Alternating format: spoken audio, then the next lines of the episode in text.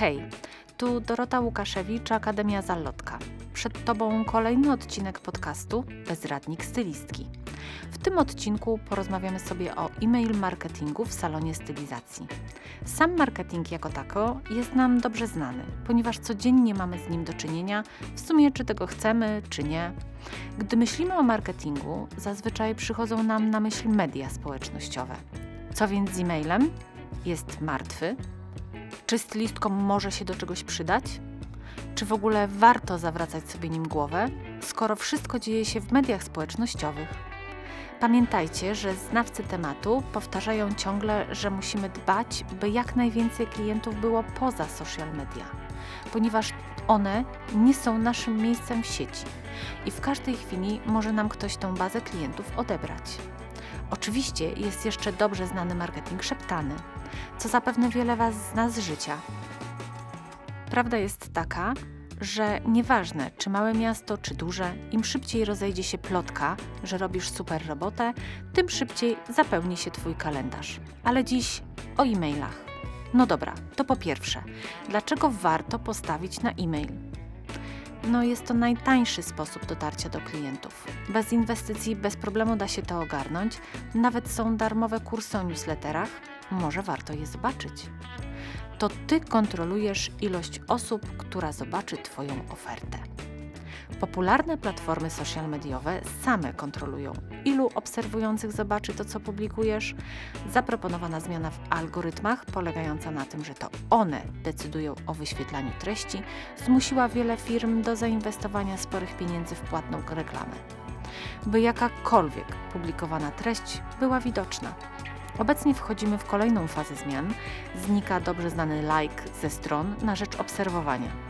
Można spotkać zarówno zwolenników tego rozwiązania, jak i przeciwników. Jednak jedno jest pewne: nadal ktoś będzie za ciebie decydował, co zobaczą Twoi klienci i potencjalni klienci. Kolejnym ważnym elementem są załączniki. W mailu nie ma ograniczeń, tak jak na platformach. Możesz spokojnie załączać pliki PDF, rozbudowane ankiety, jak również linki czy obrazy, które nie są akceptowane przez Facebooka z wielu powodów. Oszczędność czasu. Wysyłanie maila nawet do dużej ilości osób może trwać tylko kilka minut. Również jego przygotowanie jest o wiele prostsze niż skomplikowane grafiki do posta, które będą pasować do algorytmu social mediów. Jednak jak stworzyć listę mailingową? Zbieraj adresy e-mail na pierwszych wizytach. Może do tego wykorzystasz kartę klienta albo po prostu zapytaj klientkę, czy ma ochotę zapisać się na newsletter.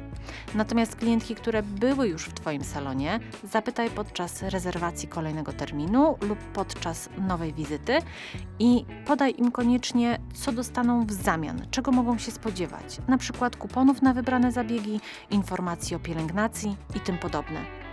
Wykorzystaj landing page popularnie nazywaną stroną lądowania. Brzmi to jednak jak termin z zakresu lotnictwa, więc może zostańmy przy obco brzmiącej nazwie landing. Może to być również miejsce na dole Twojej strony internetowej, jeżeli takową posiadasz, albo reklama w stylu pop-up, co jest chyba najpopularniejszym sposobem pozyskiwania adresów. Pozwoli Ci to na wysłanie e-mail do osób, które jeszcze nie są Twoimi klientami. I dzięki temu powiększysz bazę potencjalnych klientów, którzy w przyszłości mogą stać się Twoim lojalnym klientem. Zawsze musi być nagroda za zapis. Nagrodą jest oferta specjalna na wybrany zabieg lub jednorazowy kupon rabatowy. Nagrody te oczywiście będą wysyłane tylko z newsletterem. Robimy to po to, by odwiedzający Twoją witrynę mieli powód, by podać Ci swój adres e-mail. Im bardziej zachęcająco brzmi oferta, tym szybciej zapełni się Twoja lista potencjalnych klientów.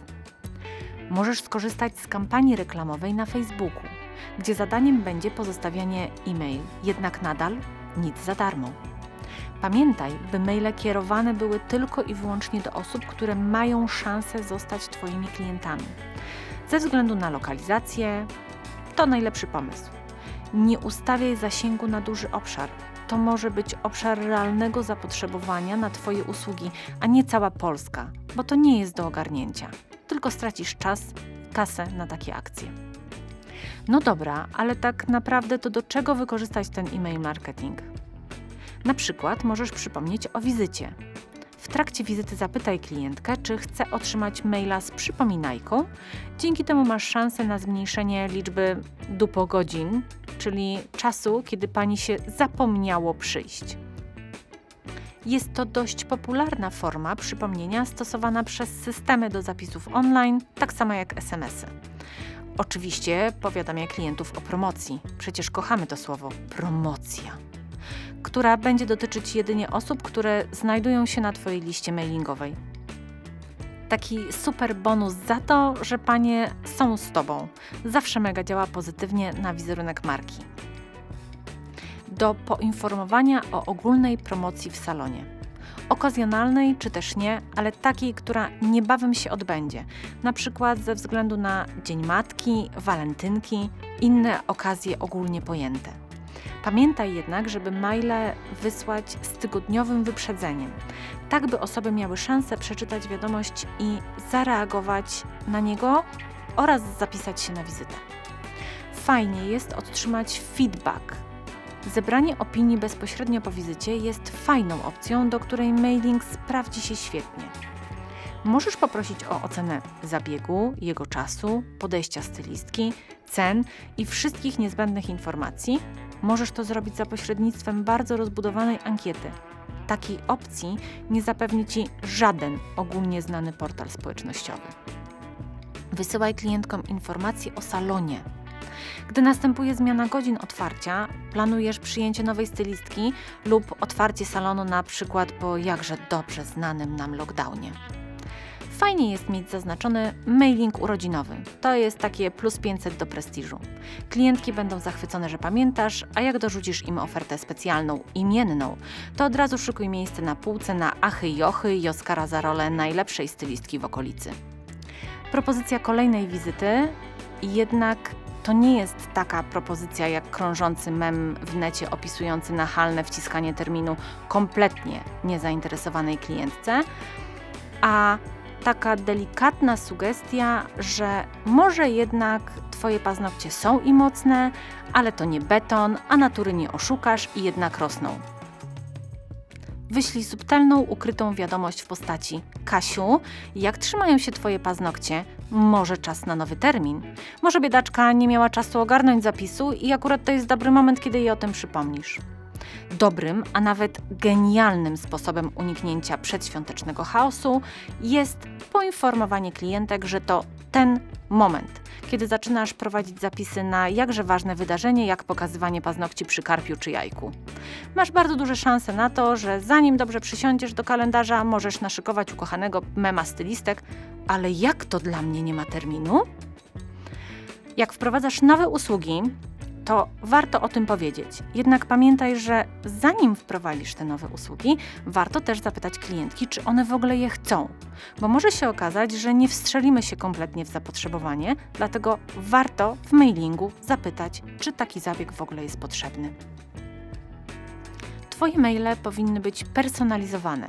No nie powiem, że muszą, bo nie muszą, ale fajnie, żeby były. To zdecydowanie podnosi wartość. No dobrze, to zatem jak zrobić dobry mail?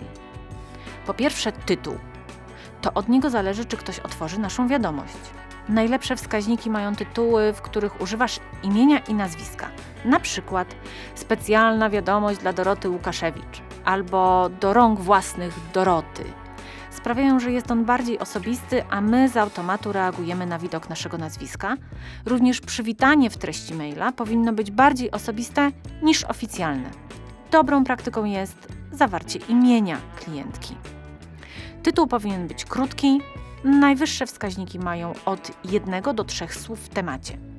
Należy je zmieniać, zarówno ich długość, jak i styl, bo odbiorcy mogą się przyzwyczaić do obranej przez Ciebie formy, no i nie będą zbyt chętnie otwierać takiego maila.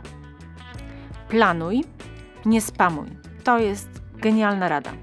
Zamiast zasypywać użytkownika niepotrzebnymi treściami, możesz wysłać jednego maila w miesiącu, ale takiego, który przyniesie Ci sporo zysków i nie będzie drażnić klientów. Jeśli masz mało wolnego czasu, warto poświęcić jeden, dwa dni w miesiącu, by przygotować jednego, ale dobrego maila. Dostarczaj wartości w każdej wiadomości e-mail. Nie marnuj czasu czytelnika, bo się szybko zniechęci, a być może w konsekwencji zwyczajnie wypisze. Potraktuj siebie jak salon z sąsiedztwa. Nawet jeśli Twój salon jest bardzo luksusowy i ekskluzywny, mail powinien być prosty. Najlepiej sprawdzą się wiadomości wybrane w stylu jak do znajomego czy do koleżanki. Czysty tekst działa lepiej niż mail mocno naszpikowany obrazami. Wiele skrzynek ogranicza wyświetlenie obrazów, co powoduje, że mail może być e, nieczytelny. Dodatkowo Twoi subskrybenci mogą pomyśleć, że to kolejna bezwartościowa reklama, przez co przestaną otwierać wiadomości lub wrzucą je zwyczajnie do spamu. Biorąc pod uwagę mobilność, maile zawierające sam tekst są o wiele łatwiejsze do czytania i przeglądania na telefonie. Sam tekst jest znacznie bardziej osobisty niż posługiwanie się obrazem, a kupony, prostą grafikę, zawsze możesz dodać w załączniku. Pisz krótko. Osoba, która otwiera maila, przegląda go w czasie około 8 sekund. W tym czasie jest w stanie przeczytać dwa, trzy pierwsze zdania i właśnie to w nich musi być ta wartość, która przekona go do tego, żeby on przeczytał dalej. Ludziom nie chce się czytać długich maili. Nie mają na to czasu ani ochoty. Więcej informacji na dany temat zawsze możesz umieścić na docelowej stronie, na którą klient zostanie przekierowany, gdy będzie chciał poczytać takie informacje. Pierwszym wysłanym mailu podziękuj za zapis do newslettera. To właśnie w tym mailu załącz kupon rabatowy lub ofertę specjalną. Pozwól klientowi poznać Twój salon. Załącz grafikę ukazującą najlepsze jego strony, załącz cennik, nie zapomnij o danych kontaktowych oraz lokalizacji. Miłym gestem będzie przedstawienie pracowników salonu, a gdy jest osoba odpowiedzialna za mailing czy za zapis klientów, przedstawienie tej osoby. Staje się to wtedy takie bardziej personalne, nie będzie to kolejna sztywna oferta sprzedażowa. Twoim obowiązkiem jest umieszczenie w każdej kampanii mailingowej link umożliwiający rezygnację z subskrypcji. To jest niepodważalne, gdyż klient w każdym momencie ma prawo rezygnacji i musi być to mu zapewnione i ma to być łatwe. Zrób to jednak w taki sposób, by nie wypisał się przypadkowo. Już wielokrotnie wspominałam, ale mailing to oferta specjalna lub kupon rabatowy to będą Twoje własne lepy na muchy, które sprawią, że nie dość, że klient sam chętnie poda Ci dane, to jeszcze przyjdzie i wykorzysta. Co może stanowić dobry start do stałego i lojalnego klienta, no a przecież o to nam chodzi. No dobra, ale jak wysyłać te maile? Więc e, omówimy sobie teraz przez chwilę platformy.